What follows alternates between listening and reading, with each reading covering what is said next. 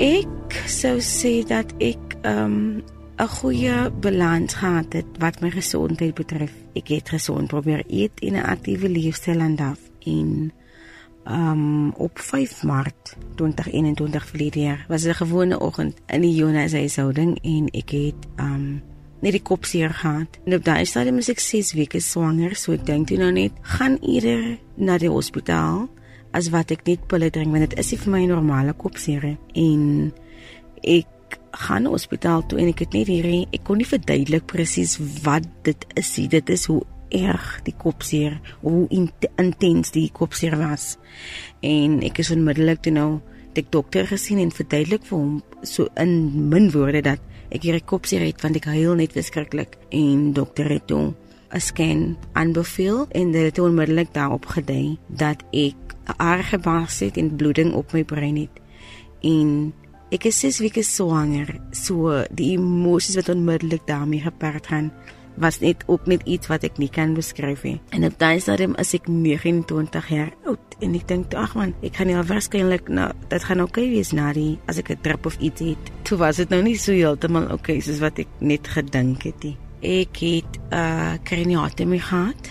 Ehm um, wat ook in wat nou die reële mediese proses is waar hulle die bloeding probeer verlig op die brein wat besig is om te swel en toe was ek in die intensiewe sorg eenheid vir 'n tydjie en nadat ek oorgeskuif was na 'n gewone saal en dokters het die ehm um, biopsie weggestuur was ek meegedeel dat dit velkanker is en niks het toe vir my sin gemaak nie.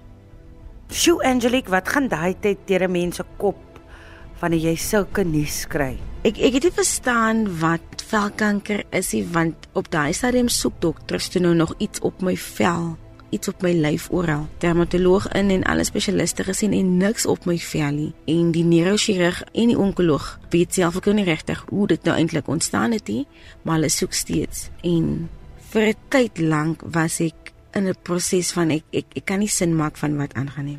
Dokters het dit gesê dit is val kanker. Dit dit is in die brein en ons sal moet behandelingsopsies bespreek. Maar, maar alles was nog baie vroeg. Was jy bang want jy's nog jonk, jy het 'n dogtertjie tuis en 'n man, jy's 6 weke swanger met julle tweede kind. Hoe het jy daai herstelproses ervaar? Die grootste vrees wat ek gehad het was hierdie ongebore babatjie wat ek dra. Ek is 6 weke swanger vir 'n babatjie wat ons so hard voor gebid het en en nie die Here gevra het om vir ons mee te sien want ons ideaal was twee kinders. Ek en my man, dit is wat ons wou gehad het. So ek en my man het onder andere ook vrugbaarheid ehm uh, terapie ondergaan om swanger te kan word want ons het gesukkel en ons het natuurlik swanger geword met met die babatjie. So daai sin was my grootste vrees hierdie swangerskap en dan ook um my dogtertjie Eva wat 7 jaar oud is. As ek nou net die moet doodgaan, was die grootste vrees wat word van my kinders. Dis herstelproses na die eerste operasie was as ek dit moet beskryf nou, was dit dit was 'n bietjie moeilik. Ehm um, want ek moes verskillende spesialiste gaan sien en dinge het op 'n punt gekom waar dokters voorgestel het dat ek moet gaan vir immunoterapie en dit sou dan ook daarop dui dat ek 'n spontane abortus as ek dit sou kan noem sou hê. En op die ou end van die dag het dit toe nou nie plaasgevind nie want dokters het eerder aanbeveel dat stereotaktiese bestraling die beste sou wees want die letsels in my brein is so klein dat dit nie sou sin maak om die hele brein te bestraal nie, maar net die gedeeltes. So ek was toe nou weg vir stereotaktiese bestraling. Ek het teruggekom en op daai stadium was ek toe al 17 weke swanger want ek en my man het net besluit dit is 'n keuse wat ons gaan maak. So ek gaan vir enige behandeling wat nadelig sou wees vir die baba dan moet dit nou maar net die die weg vind. Dit dit moet nou maar net wees soos soos wat dit moet wees. Maar ons gaan nie die keuse maak nie. En eintlik is die herstelproses dit gaan baie goed. Die, ek het in Januarie 2022 die tweede operasie gehad want die area waar die melanoom aanvanklik gevind is in die brein het daar 'n letsel iets wat vergroot en ek is vir tweede operasie. En ehm um, dokters was baie gelukkig met die uitkoms daarvan. En die herstelproses was bietjie meer uitdagend maar dit is beter. Ek is daardeur. Ek het net uitgesien om deur my 6 weke te kom sodat ek terug kan gaan werk nie? omdat ek er passie het as maatskaplike werker om toe te sien dat ek daar kan wees vir die mense waarmee ek werk sodat ek weer vir hulle kan help. Um want dit is iets wat ek sou sê my dryfkrag is om my passie uit te leef as maatskaplike werker. So dit het ook baie gehelp met die herstelproses. Jy sê die hele proses wat jy en jou man raad nie en selfs julle klein Eywa deur moes gaan was 'n uiters uitdagende pad geweest vir julle om te stap. As jy nou terugdink Angelique, wat was die lewensles wat jy hier uitgeleer het?